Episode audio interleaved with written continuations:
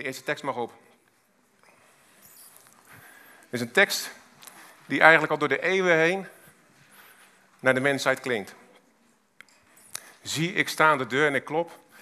Indien iemand naar mijn stem hoort en de deur opent, ik zal bij hem binnenkomen en maaltijd met hem houden en hij met mij. Oh. Dipenon. In het Grieks. Maaltijd. En dat is niet zomaar een maaltijd. Hoofdmaaltijd. Jezus zegt, dit is eigenlijk een uitnodiging voor jullie, voor de mensen, om hem uit te nodigen. En als je hem uitnodigt, komt hij binnen, gaat hij maaltijd met je houden. Maar er is maar één plek voor Jezus aan tafel, en dat is aan het hoofd. En hij komt niet binnen van ik moet aan het hoofd zitten. Er is gewoon maar één plek voor Jezus en dat is aan het hoofd. Alleen daar functioneert hij. Alleen daar komt hij tot zijn recht. En alleen daar kom jij tot je recht. Dus Jezus is niet het uh, hors d'oeuvre. Hij is ook niet het setje. Hij is de main course van een eengangen diner. En we hebben het eigenlijk al lang niet meer over eten. Hè? We hebben het gewoon over het leven. Want wij zetten nog wel eens andere dingetjes op de menu. Mag de volgende sheet op. Wij zetten nog wel eens andere dingetjes op de menu. Maar dit is wat Jezus op het menu heeft voor jou en voor mij. Liefde. Onvoorwaardelijke vrijspraak. Acceptatie. Onvoorwaardelijke acceptatie. Geborenheid. Aandacht. Hij is er altijd voor je. Orde. Vrede, rust. Zaken waar de wereld op dit moment ons schreeuwt. Met alle gebeurtenissen. Het is onrustig, het is een puinhoop. Er gebeuren verschrikkelijke dingen. Maar dit is wat hij aanbiedt aan jou. En dit is wat je nodig hebt. En uh, in de kleine lettertjes zouden kunnen staan, niet limiterende tot. Want zijn menukaart is groter dan dit. Valt er nog iets op misschien aan de menukaart? Het is gratis. Zijn er Nederlanders hier of niet? My goodness. We gaan misschien nog wel brunchen of zo. Nou, dan staat dat er niet op hoor, dat is zeker. Dat is zeker. En ik weet ook zeker dat je niet zo voldaan ervan zal, zal zijn. En als wij zelf uh, Jezus uitnodigen en we zouden hem niet aan het hoofd zetten, en als we niet zijn menukaart zouden bekijken, dan zetten wij zelf dingetjes op de menukaart. Gaan we zelf koken, gaan we zelf ons best doen. En dan komen we erachter van, nou, het is eigenlijk niet zo lekker. Ik heb keihard mijn best gedaan. Het is helemaal niet lekker. Ik heb zoveel moeite gedaan en ik word helemaal niet gewaardeerd. Ik doe zo mijn best. Ik heb geïnvesteerd. En het is niet wat het moet zijn. En daarom zegt Jezus, geef mij naar de plek die mij toekomt. Geef mij de plek die mij toekomt. En geef, zet mij aan het hoofd van de tafel. Want ik weet wat jij nodig hebt. Dag in, dag uit. Want dat is namelijk de reden dat ik aan het kruis ben gegaan. Om met jou die relatie te kunnen hebben. Om met jou aan tafel te zitten. En het, het is ook iets intiems een beetje, tafelen, met elkaar eten, met elkaar praten. Het passeert van alles. Hij wil intiem zijn met jou. Vandaag nog. Vandaag wil hij nog intiem zijn met jou. Op een manier die alle mensen om jou heen niet kunnen geven. Inclusief de gelovige, gelovige mensen. Alleen hij geeft 100% voldoening. En als we naar mensen gaan kijken, als we van mensen verwachten, ja, dan worden we soms teleurgesteld. En dan werkt het niet zoals we hopen dat het zal gaan werken. Maar we mogen wat van hem verwachten. Amen. Wat staat er eh, op de volgende sheet? Ja.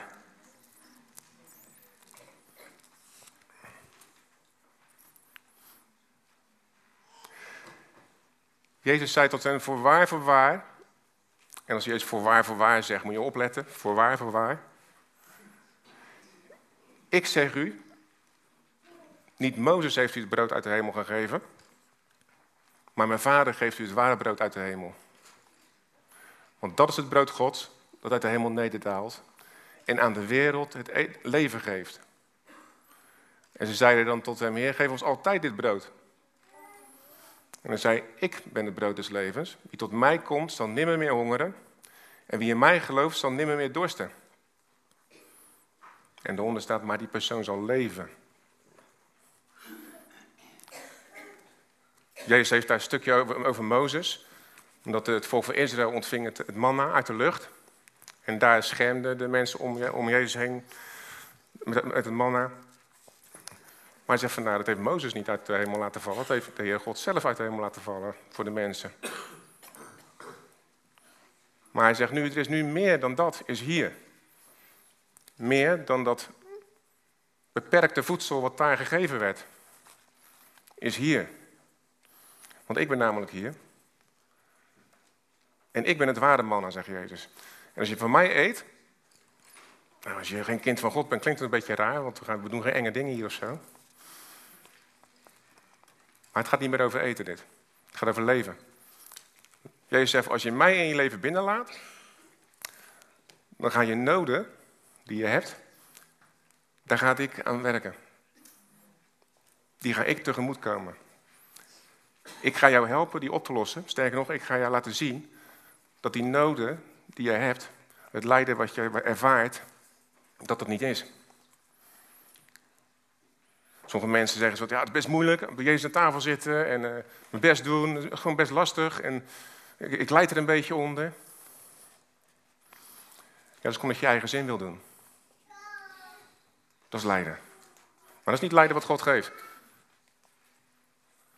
Het voelt als lijden, omdat je denkt van, hé, hey, ik was lekker mijn dingetje aan het doen. En uh, ja, het werkt niet helemaal zo, helemaal zo goed.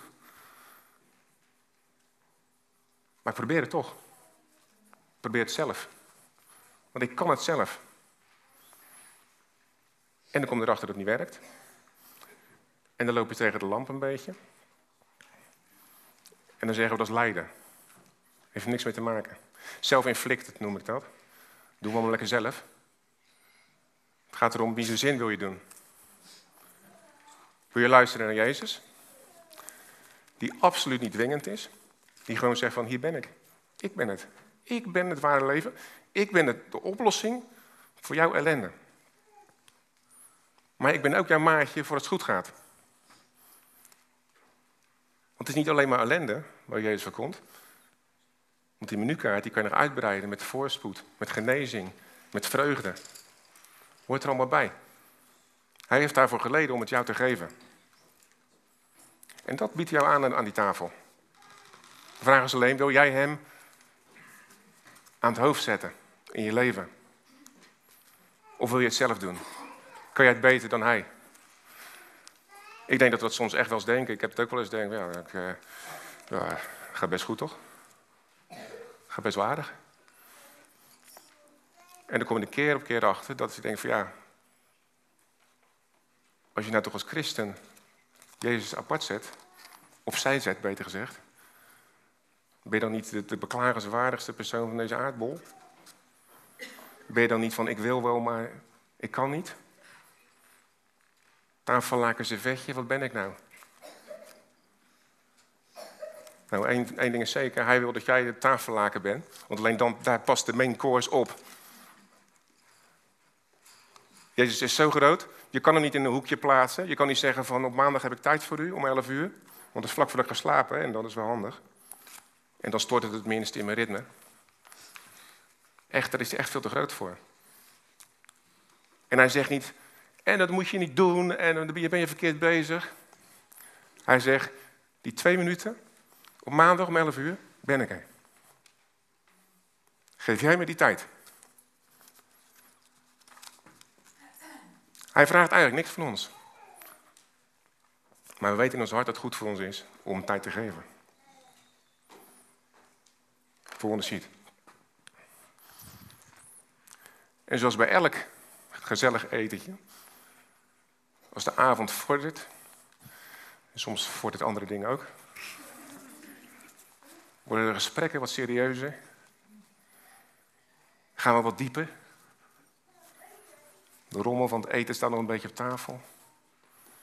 En zie het dan als de rommel van je leven. De troep, je, je gezin wat niet goed functioneert, je werk wat een puinhoop is. Je succesjes liggen ertussen. Je bent er gewoon met Jezus over aan het praten. Wat, weet je wat hij dan gaat doen? Hij gaat je uitleggen wat het nou eigenlijk betekent. Dat hij voor jou gestorven is. Hij gaat zijn genade aan je uitleggen. Hij gaat zeggen dat hij voor jou gekozen heeft. Dat hij voor jou en de mensen gekozen heeft. Omdat hij relatie wil met jou. Want alleen vanuit de relatie kan hij functioneren. Jezus kan niet functioneren vanuit religie, vanuit timestamps, vanuit gezette dingen. Dan beperk je hem enorm. Hij wil een plek in je leven innemen die, die, die hem toekomt. En dat gaat hij uitleggen in die genade. En waarom is die genade zo belangrijk? Omdat dat namelijk alle boundaries, alle grenzen doet verdwijnen. Oeh. Oeh. En dat vinden we eng, hè? Ja, als er geen politie is, wordt de rotzooi de maatschappij. Je kan ook de politie niet wegdoen. We moeten toch regeltjes hebben? Ja, klopt. Jezus zegt ook, dus één regel. Heb je naast lief als jezelf en God met heel je hart. Dat is de regel die ik stel. Dat zijn al die andere regels die jij jezelf oplegt, die in de Bijbel staan, de geboden, die zijn ermee vervuld. Die zijn ermee afgedaan, die mag je loslaten. Maar als je het echt gaat doen, dan verandert namelijk iets in je hart. En dan hoef je niet meer zorgen te maken, doe ik het wel goed, doe ik het niet goed. Oeh, had ik dat nou wel tegen die persoon moeten zeggen? Wat zal er wel niet denken? Zit mijn haar goed? Het haar, het dat ik heb? Sommige mensen zeggen, sorry Ruben. en anderen aan die kant. Zit dan een paar mensen aan die kant? Dat is helemaal niet interessant. Hij vindt het niet interessant. Hij vindt jouw hart interessant.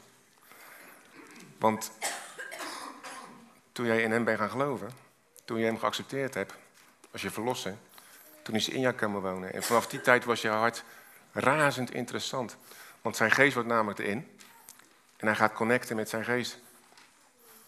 En van daaruit gaat hij jouw leven bouwen. Dus is het zaak dat je zelf niet andere pesto in je hart gaat zaaien. In de Bijbel staat over, over, over lauw zijn en over. over, over uh, zegt, de, zegt de Bijbel: was je maar koud of was je maar heet? Omdat je lauw bent, is niet zo goed. Is niet goed voor jou, maak jezelf belachelijk. Er is iemand die zijn leven gegeven heeft voor jou. En het lijden, want de meeste van jullie zullen mogelijk de Passion gezien hebben, het lijden wat daar weergegeven wordt, het begint het nog niet uit te drukken. Het begint het nog niet uit te drukken. Hij was God voordat hij naar de aarde kwam, in al zijn glorie, in al zijn heerlijkheid, zijn rijkdom. Dat heeft hij allemaal achter zich gelaten. Nou, dan gaan er al bepaalde schakels hier van, wow, oh, rijkdom achterlaten. Wat, je houdt toch vast wat je hebt? Hij heeft dat voor jullie achtergelaten en voor mij. Omdat hij het niet belangrijk vond. Want hij vond jou belangrijker dan zijn rijkdom. Hij vond jou belangrijker dan zijn eer. Want hij is een verschoppeling geworden. Uitgespoegd door de mensen om hem heen. Belachelijk gemaakt. Aan het kruisen. Red jezelf. Red jezelf. Je bent de zoon van God? Zeg jezelf. Komt eraf dan. Kom. En zelfs toen had hij dat kunnen doen. Zelfs toen had hij dat kunnen doen. Toen Petrus het oor afsloeg van die eh, bewaker in de hof van Gethsemane, zei Jezus ook, denk je niet dat ik in staat ben om engelenmachten hierheen te halen? Om mijn vader één keer te bidden. Hoeveel, engelen denk je dat staan hier straks dan? Denk je dat ik dat niet kan? Maar dit is niet de weg. Dit is de weg die ik moet gaan voor jullie. Je begrijpt het nu niet. Maar ja, wij, post-kruisiging, die misschien onze mening zelfs wel hebben over een Petrus, over een Judas. Van, oh, Doe je het toch niet? Dat is net zo erg. We zouden het vandaag weer doen. We zijn hem uitleveren. Maar hij zegt, daarom ben ik naar het kruis gegaan, omdat jij die kan. En ik veroordeel jou niet. En dat is die genade. Die genade is volledige vrijspraak van jouw tekortkomingen. En als je dat gaat meenemen in je leven, dan gaat het voor je werken. En dan gaat niet alleen je hartsgesteldheid veranderen. En je gaat niet opgeruimd, alleen opgeruimd raken in je hoofd. Je gaat genezing ontvangen. Letterlijk genezing in je, in je fysieke lichaam ga je ontvangen. Je ziet dat problemen opgelost worden als sneeuw voor de zon. Geloven we dat? Laten we hem erbij? Er is maar één manier. En dat is hem erbij laten.